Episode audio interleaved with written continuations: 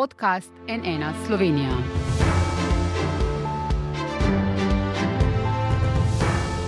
Dobr dan, to je NN studio. Z digitalnimi boni, ki jih je golobova vlada podedovala od prejšnje, se zapleta. Najprej so sprožili naval mladih na slušalke, zdaj je postalo jasno, da do njih velika večina starejših sploh ne bo mogla priti. Seznam izvajalcev izobraževanj digitalne pismenosti, v katere se bodo morali vključiti starejši od 55 let, če bodo želeli bone izkoristiti, se je v dveh dneh že skoraj zapolnil. Bo tako bon lahko izkoristilo le 5000 starejših? Kaj bo naredila služba vlade za digitalno preobrazbo? Z nami je ministrica Emilija Stojmenova Duh. Lepo pozdravljeni, dobrodošli na NN. Lepo pozdravljeni, hvala lepa za vabilo.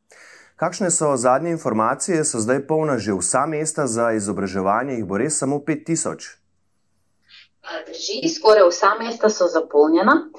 V okviru tega ukrepa, torej ukrep, ki je bil predviden strani vodstva prejš, oziroma prejšnjega vodstva našega ministrstva, ne bomo povečevali število bonov, pripravljamo pa nove ukrepe, s katerimi bomo omogočili usposabljanje za veliko večje število starejših.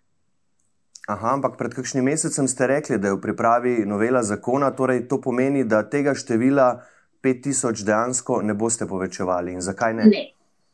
Zaradi tega, ker se nam ukrep, kot je bil zamišljen, zdi nesmiselen, zaradi tega, ker ne upošteva digitalno usposobljenost starejših. Recimo s tem ukrepom, ki ga imamo trenutno, imamo več težav.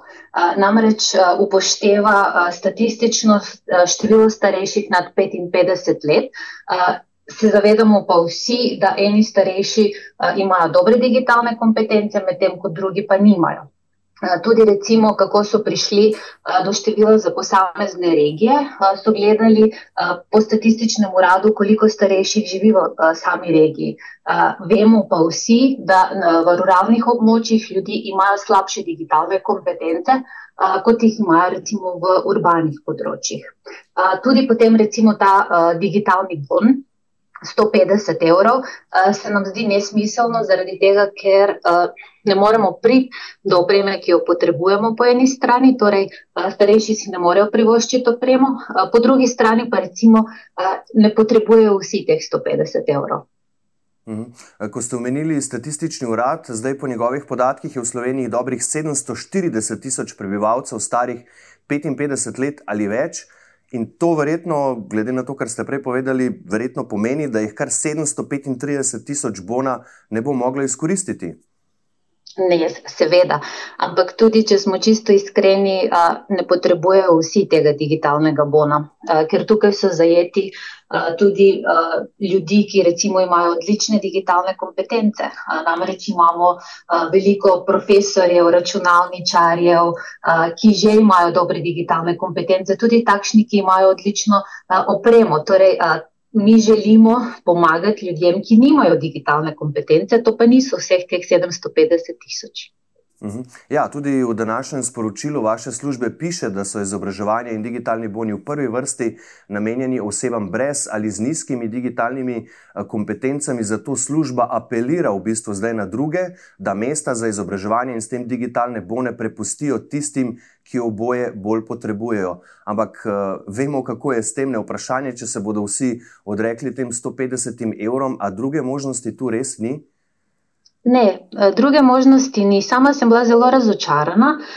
Najprej, ko sem izvedela, da je na voljo samo za 5000 ljudi, tudi pač gre za bombonček, teh 150 evrov.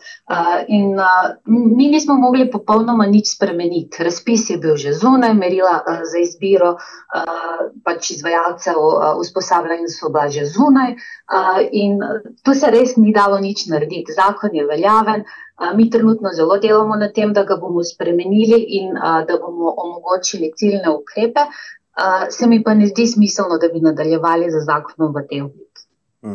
Zdaj, po drugi strani pa možnosti za izvedbo teh izobraževanj za starejše ni dobil Zavod Symbioza, ki je eden od vodilnih podjetij na področju digitalnega opismenjevanja pri nas. Zakaj ne?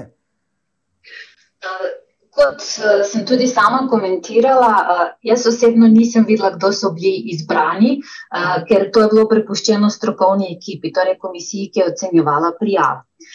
Prijeli smo 106 uh, prijav in vse prijave so bile ocenjevane, uh, ocen, pardon, so jih ocenjevali po enakih merilih. In glede na število točk, ki so jih prejeli, potem tisti, ki so imeli večje število točk, so bili tudi izbrani.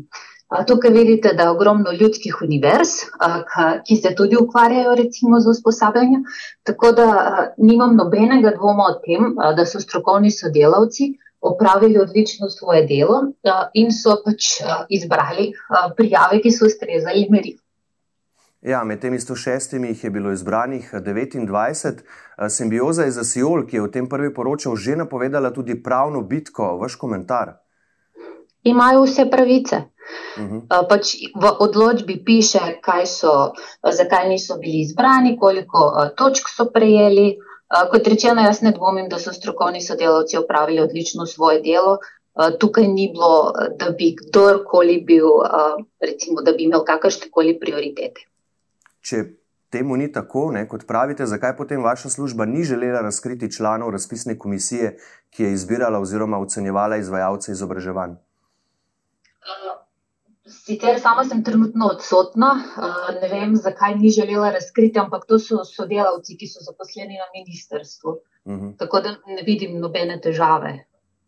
Bomo še morda to dodatno preverili potem pri službi. Kaj naj potem, če potegnemo črto, gospa ministrica, sploh naredijo starejši, ki želijo porabiti bon, pa zdaj ni več prostora na izobraževanjih, ta morajo biti upravljena do konca novembra. Vemo tudi izvajalci izobraževanj nekako sporočajo, da je tu sistem, kdor prej pride, prej melje. Ne? Če se pač, če pohitiš, če se hitro odzoveš, lahko prideš na vrsto sicer pa ne. Pa tudi veliko vprašanje je, če bi se kakšen starejši iz enega konca Slovenije bil pripravljen voziti nekam čisto drugam, samo zato, da lahko opravi to izobraževanje in potem dobi 150 evrov. Kaj naj sploh naredijo?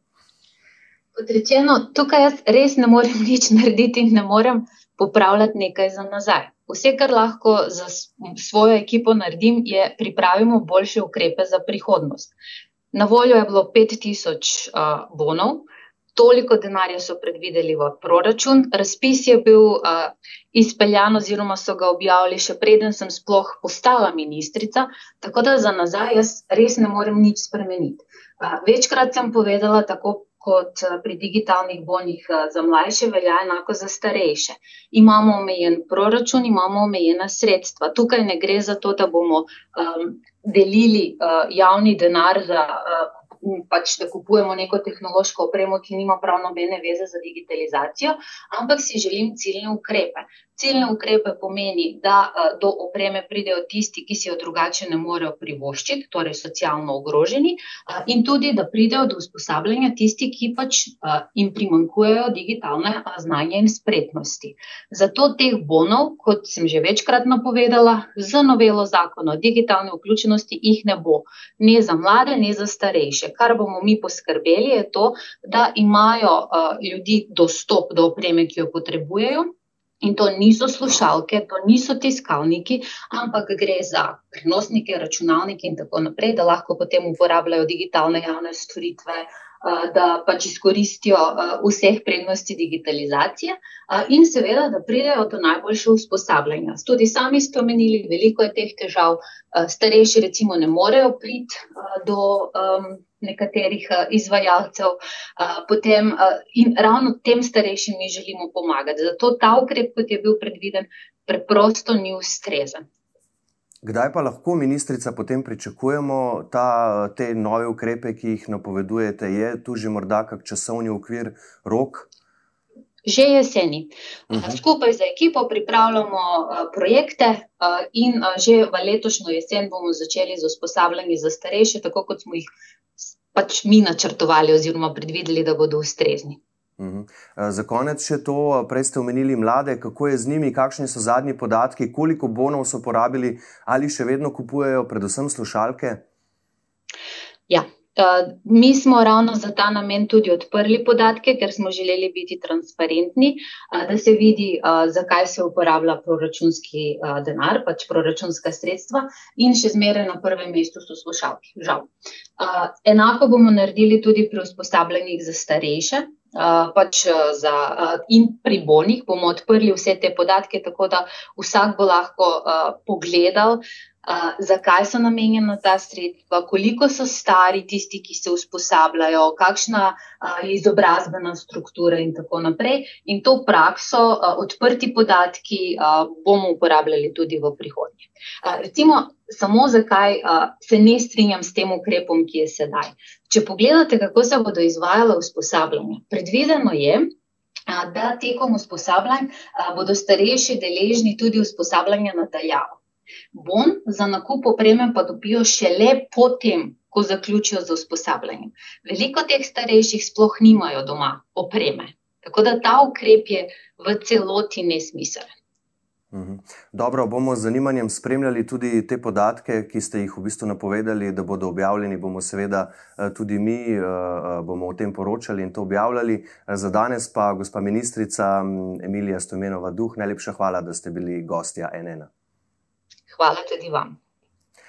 Hvala pa tudi vam za vašo pozornost. Seveda vse v zvezi z digitalnimi boni objavljamo sproti na naši spletni strani nnainfo.si, zato nas spremljajte še naprej. Iz studija pa le še lepo zdrav in nasvidenje.